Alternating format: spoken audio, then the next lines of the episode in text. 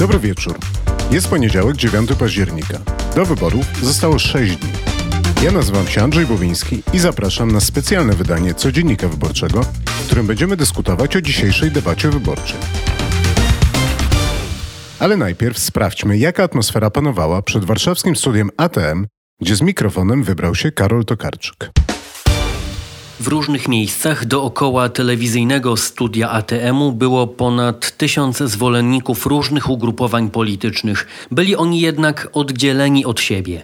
Po jednej stronie budynku zgromadzili się sympatycy obozu władzy.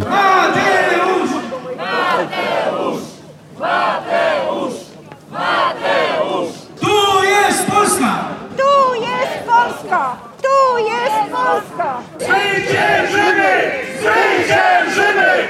Zwyciężymy! Zwyciężymy! Zwyciężymy! Jeśli zwycięstwo będzie tak mocne jak głos Trąkaczanka, to myślę, że się otrzemy o konstytucyjną, prawda?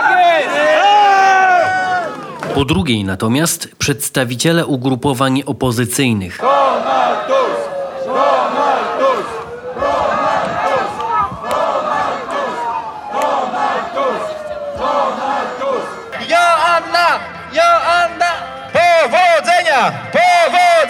Można było spotkać również nielicznych, którzy zapowiadali głosowanie na Konfederację oraz bezpartyjnych samorządowców.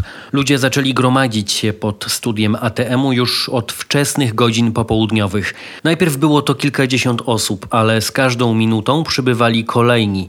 Każdy przyszedł zagrzać do boju swoich kandydatów. Jakie nastroje i kogo będziecie wspierać? Dzień dobry, oczywiście będziemy wspierać Szymona Hołownię. Y, Będzie cały autobus, także lada moment y, przyjadą. Na razie jest nas raz, dwa, trzy, cztery, sześć, osiem osób. autobus y, dwupokładowy. Jedziemy tutaj wszyscy, double decker załadowany, mamy banery, reklamy, no i reklamujemy wszystkich kandydatów z naszej listy. E, mam na imię Janek, pochodzę z Torunia, mieszkam w Warszawie, sprowadza mnie tutaj niesamowita Joanna, której okrzyki możemy usłyszeć w tle.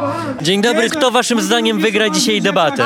Mateusz, nie ulega Z czego to wynika? Dlaczego waszym... jest bardzo mądry, mądrzejszy od tego rudego. Ekonomista Jest sprawdzony. Polakiem i nie jest złodziejem. Polakiem jest. I nie do Berlina, i nie do Moskwy. Jego ojciec bardzo walczy, walczy. Tak, on przyszedł do polityki, miał pieniążki, a Nie jest Nie zdradził Polski. Tak. Ani dla Moskwy, ani dla Niemców. poszedł do polityki po to, żeby zdobyć pieniądze. kraj. Co ciekawe i czego się nie spodziewałem, udało mi się spotkać nawet kogoś, kto nie był zdecydowany. To Beniamin, który przyszedł w nadziei, że debata pozwoli mu znaleźć odpowiedniego kandydata. Jakie oczekiwania po dzisiejszej debacie? No mam nadzieję, że się w końcu coś wyjaśni, że w końcu ktoś powie jakieś konkrety, no i żeby te obietnice ich były takie dzisiaj, które rzeczywiście się spełnią. Ty masz sw- strona by nie była. Właśnie, ty masz swojego faworyta, czy przyszedłeś, żeby rozpoznać? Szczerze powiedziawszy nie mam swojego faworyta. Tyle lat co żyję, mam 25 lat, były różne wybory, już nie wiem komu ufać, no naprawdę.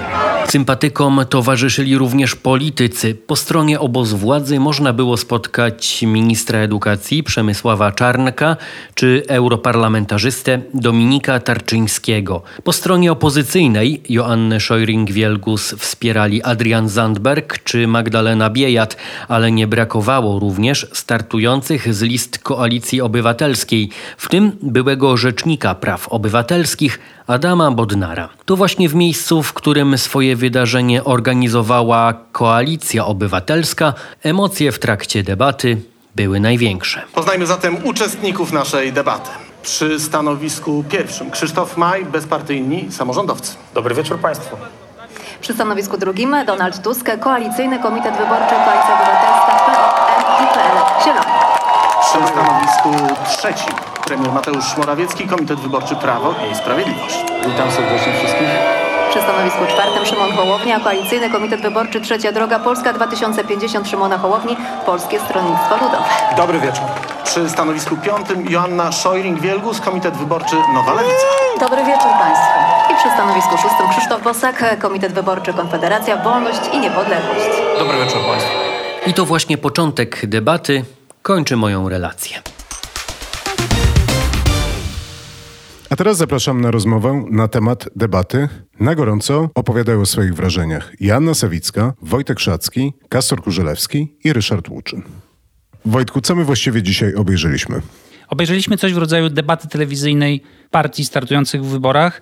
Nie była to tak naprawdę debata, bo ja obejrzałem wiele debat w swoim życiu i czegoś takiego nie widziałem, chociażby dlatego, że nie było w zasadzie żadnych interakcji między kandydatami, nie było prawa do zadawania pytań, co było tak naprawdę esencją poprzednich debat. To było to, co było najciekawsze w tych debatach.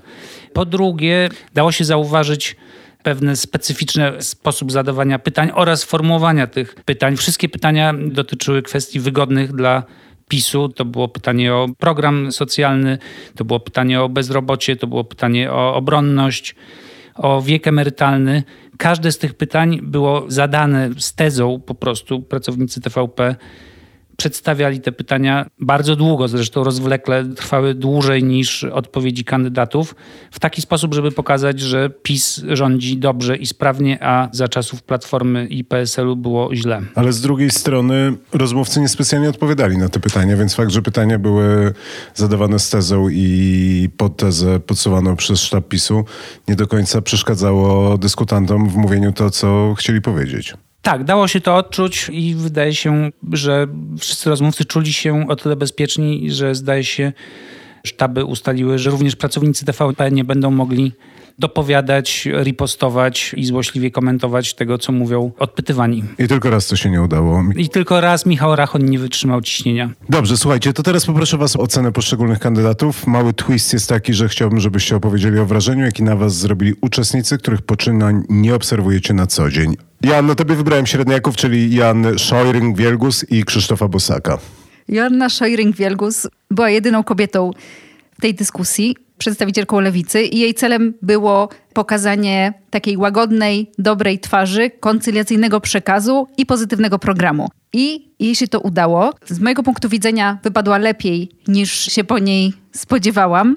Wiele osób spodziewało się, że przedstawicielką lewicy zostanie Agnieszka Dziemianowicz-Bąk, która bardzo sprawnie w mediach dyskutuje, punktuje poczynania PiSu. Jest taka bardzo merytoryczna, ale też ostra. Wybór padł jednak na Szojring-Wielgus, która chyba ma mniej doświadczenia w takich debatach medialnych i jest kojarzona mocno z jednym tematem, taką walką z Kościołem, ale tutaj udało jej się po pierwsze uspokoić swój wizerunek, a po drugie pokazać szerszy program lewicy, to znaczy to, że lewica jest skupiona na dobrostanie kobiet, na młodych osobach, które mają problemy mieszkaniowe, na rozdziale kościoła od państwa, na problemach pracowników i problemach emerytur, że oni nie skupiają się na sporach, w niewielkim stopniu atakują inne partie, tylko pokazują, jak rozwiązać problemy zwykłych Polaków, pokazują coś pozytywnego i coś do przodu. I myślę, że to było na plus, że generalnie występ Joanny Schering-Wielgus należy ocenić poprawnie.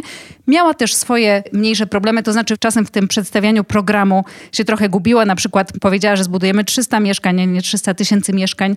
Czasem zabrakło jej słowa, więc no nie był to genialny występ, ale był poprawny i nieco powyżej oczekiwań. Wydaje mi się, że podobnie było z Krzysztofem Bosakiem, który też zagrał na nucie, którą już znamy, jakby nie zaskoczył, był poprawny, ale prawdopodobnie niespecjalnie dużo ugrał na tej debacie. Tak, Krzysztof Bosak był poprawny. Z mojego punktu widzenia wypadł chyba trochę gorzej niż Joanna Szojring-Wielgus, to znaczy był bardzo mało wyrazisty.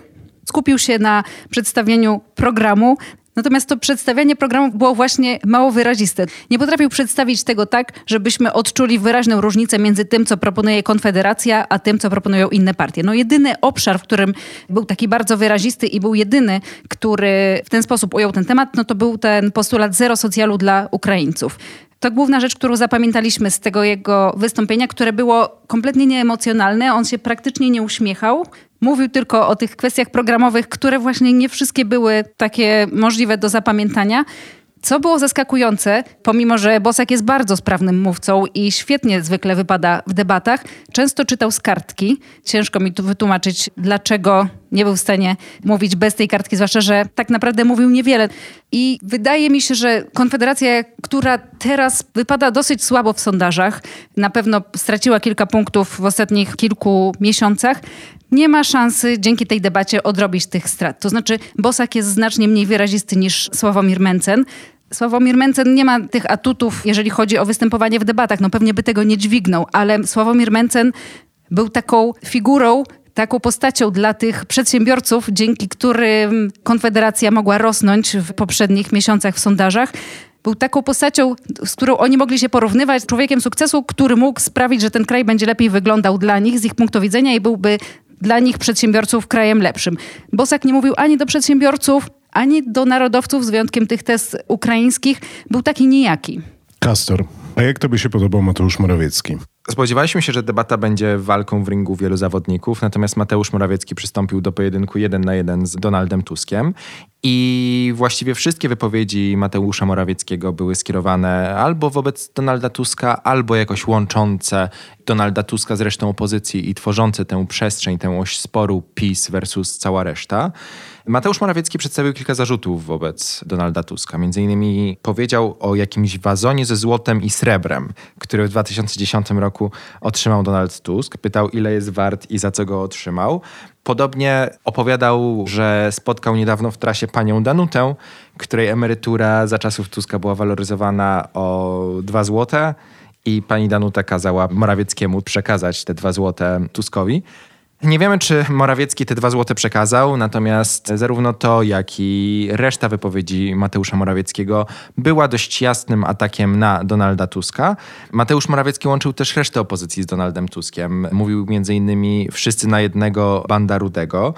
Na samym końcu Morawiecki wprost wyraził taką dychotomię, że po wyborach będzie albo PiS, albo koalicja wojny z prezydentem. Wydaje się, że ta potrzeba spokoju, czy potrzeba dobrej współpracy między premierem a prezydentem, która od kilku dni jest widoczna w kampanii Prawa i Sprawiedliwości, w spotach Prawa i Sprawiedliwości, wydaje się, że to był jakiś przekaz, z którym Mateusz Morawiecki przyszedł do tej debaty. Natomiast moim zdaniem Mateusz Morawiecki był bardzo mało sprawny powiedzonka czy analogie były średnio trafione i niekoniecznie wiem, czy na miejscu. Na przykład analogia o Lidlu.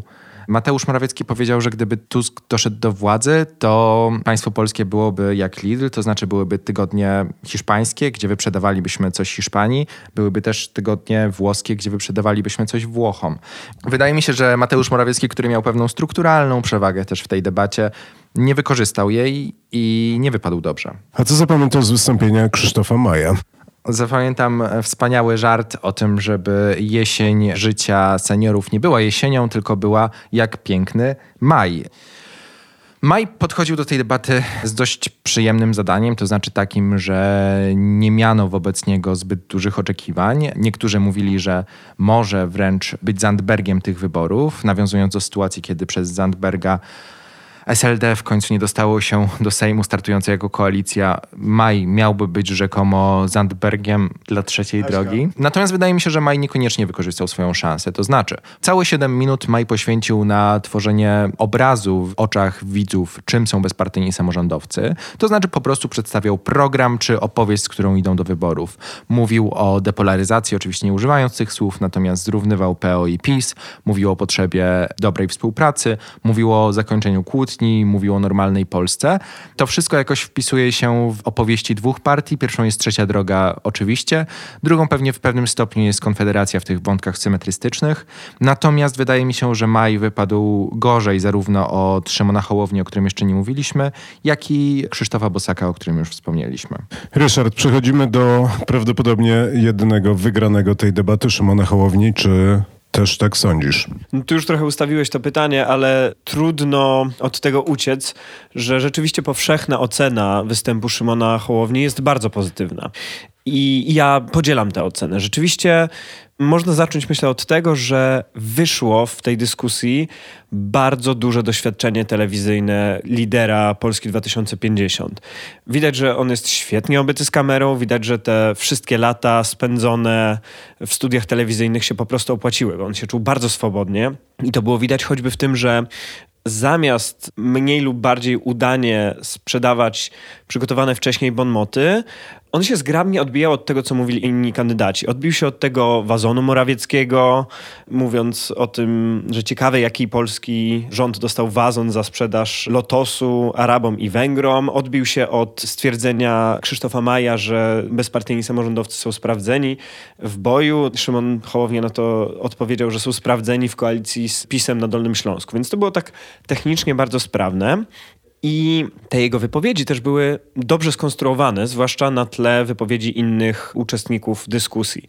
Jak się im przyjrzałem, to one rzeczywiście miały taką strukturę, że w każdej z nich Hołownia w jakiś sposób odbijał się od tematu podniesionego przez pracowników TVP odrzucał ewentualne zarzuty, które mogłyby się pojawiać, na przykład o to, że Trzecia Droga chciałaby zlikwidować świadczenia socjalne wprowadzone przez Prawo i Sprawiedliwość. Uderzał w PiS i to rzeczywiście dość zgrabnie. Mówił o tym, że głos oddany na PiS to głos za tym, żeby do Polski nie trafiło ani jedno euro. Oczywiście mówił o temacie migracji i o hipokryzji obozu władzy w tym temacie, o tym, że są ogromnie długie kolejki do lekarzy.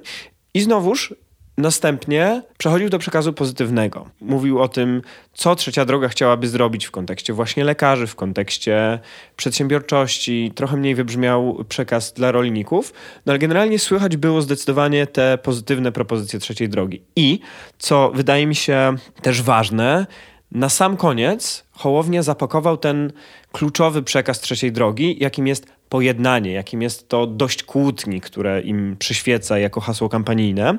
Bo Hołownia na koniec powiedział, że kolejne lata rządów PiSu nie tylko nie zagwarantują rozwoju Polski i rozwiązania problemów, które przed Polakami stoją, ale przede wszystkim nie zagwarantuje pojednania narodowego.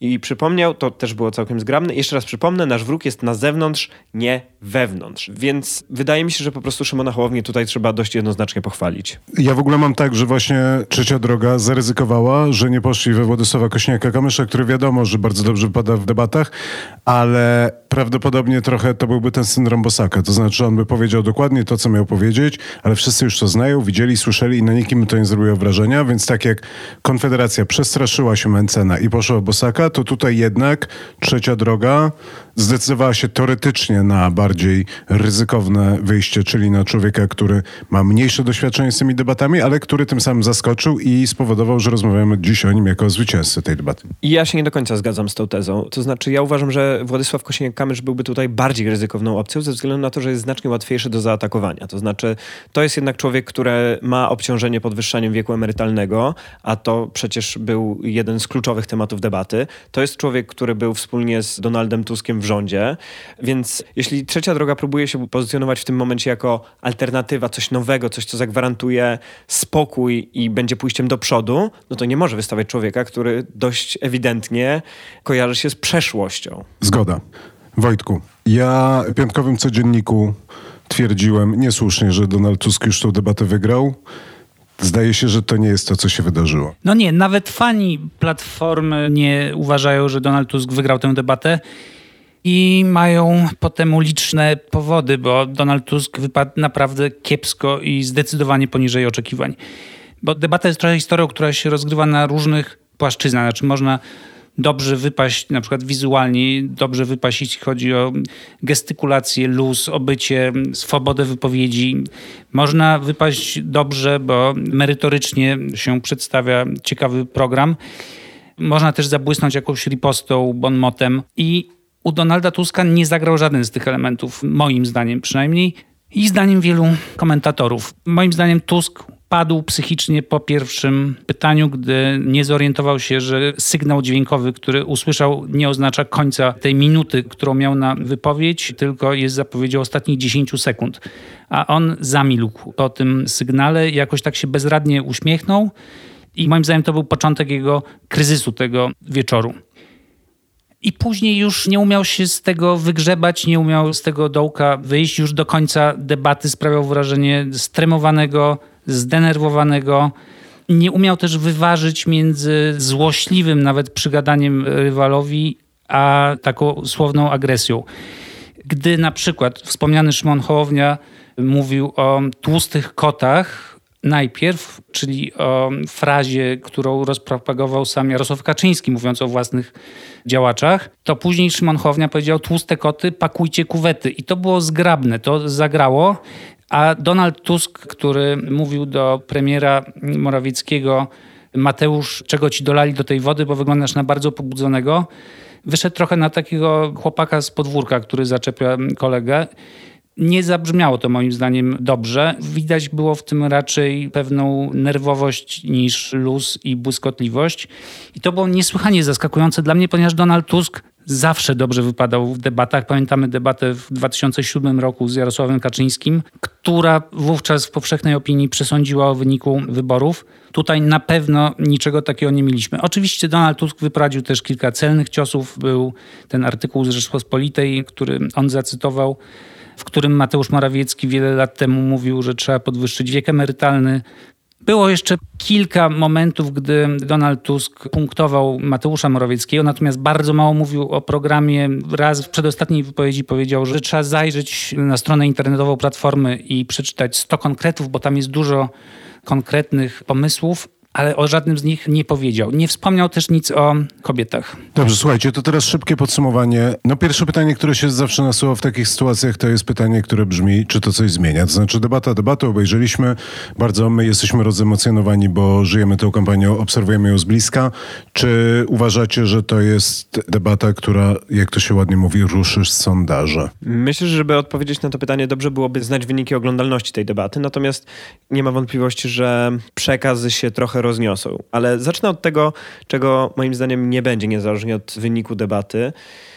Moim zdaniem nie zmieni się to, że nie będzie jakkolwiek poważnych transferów między obozem rządzącym a opozycją. To znaczy, ta polaryzacja tutaj jednak wybrzmiała i żeby przeciągnąć wyborców jednej strony na drugą stronę, to myślę, że trzeba by znacznie więcej. Natomiast wierzę w to, że wyborcy Prawa i Sprawiedliwości, którzy mieli rzadką okazję do usłyszenia tak szerokiej krytyki obozu władzy w telewizji publicznej, mogą być trochę zdemobilizowani tym wszystkim, co usłyszeli. Bo tam, no słusznie powiedział Mateusz Morawiecki, że wszyscy na niego napadają, bo rzeczywiście wszystkie komitety wykorzystały okazję, żeby uderzyć w PiS. I nic dziwnego. To, co jeszcze z tego wyniknie, to myślę, przesunięcia na liberalnej opozycji. To znaczy, wyobrażam sobie, że tak słaby występ Donalda Tuska, co do którego chyba wszyscy się zgadzamy, może sprawić, że koalicja obywatelska osłabnie i część wyborców przetransferuje się na przykład do trzeciej drogi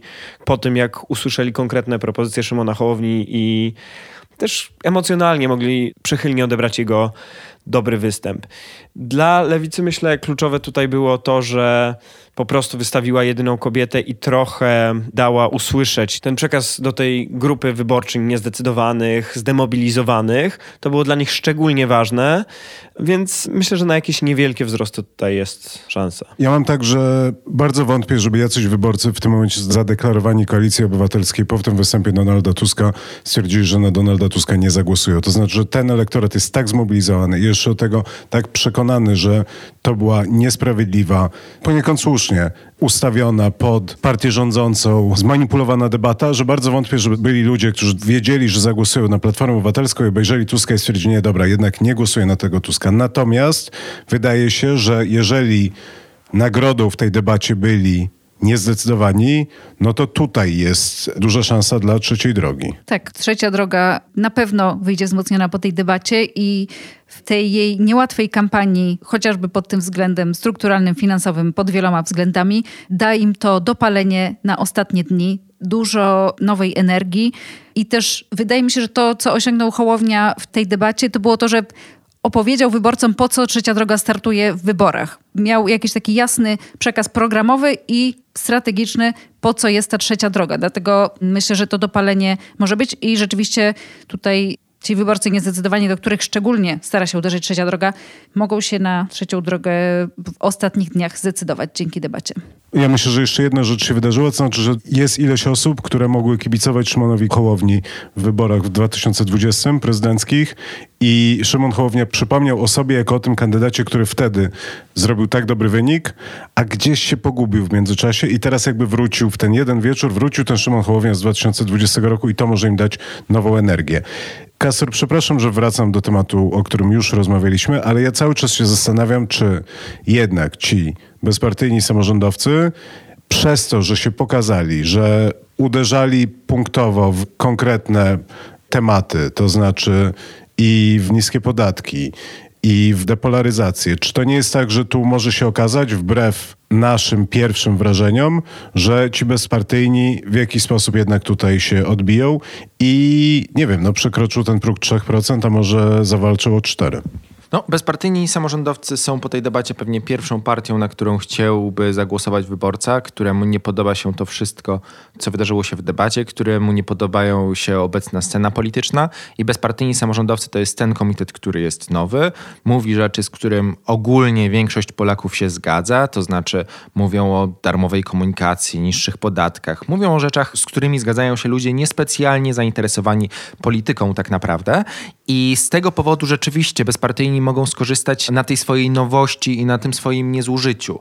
Natomiast z drugiej strony wydaje mi się, że Szymon Hołownia bardzo dobrze próbował przynajmniej obsługiwać ten sam elektorat, do którego próbują trafić bezpartyjni samorządowcy.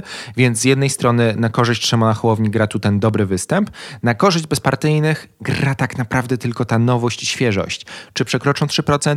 No prawdopodobnie zakręcą się wokół 3%. Na pewno to nie był występ taki, po którym powiemy, że o, bezpartyjni samorządowcy idą na przekroczenie progu wyborczego i na wejście do Sejmu. Wojtku Wisienka na torcie czy dziś w Polsce skończyła się polaryzacja? No oczywiście kusi taki bon mot i zdaje się, że ktoś go nawet użył, a ty o tym czasem mówisz. Moim zdaniem nie, nie skończyła się w tym sensie, że nadal jest to jednak starcie Koalicji Obywatelskiej i PiSu i nawet jeśli któryś z mniejszych komitetów urośnie o 2-3 punkty, to oczywiście będzie miało olbrzymie znaczenie dla wyniku wyborów, dla tego, kto będzie rządził, być może dla składu przyszłego rządu, no ale dla nikogo wciąż nie ulega wątpliwości, chyba że jest to pojedynek Jarosław Kaczyński, Donald Tusk. Jeśli debata wpłynie jakoś na sondaże, to nie do tego stopnia, żeby ten porządek świata naruszyć. Natomiast w takiej sferze idei, powiedzmy, myślę, że coś jest na rzeczy, że zobaczyliśmy być może jakiś fragment nowej rzeczywistości, która nam się objawi z większą mocą za czas jakiś. No ja mam takie wrażenie, że Jarosław Kaczyński w ogóle nie przyjechał do Warszawy i pojechał do przysłuchy, ale Donald Tusk też nie do końca dotarł na tę debatę. Był jakby połową siebie. Słuchajcie, dziękuję bardzo za tą późno wieczorną rozmowę i wracamy do pracy. Dzięki. Dzięki. Dzięki. Dzięki. A w najbliższy czwartek zapraszam na kolejne studio Nasłuch. Tradycyjnie zaczynamy o 19 w warszawskim Barze Studio. Tym razem zmierzymy się z pytaniem, kto wygra wybory i opowiemy powyborcze scenariusze. Dzięki wsparciu i współpracy z zaprzyjaźnioną firmą Większe Logo będzie można nas obejrzeć na streamie. Link wrzucimy w dniu wydarzenia w naszych mediach społecznościowych. Do usłyszenia i do zobaczenia.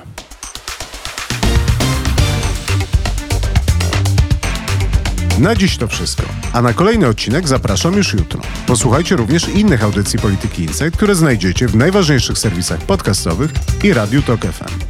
Do usłyszenia.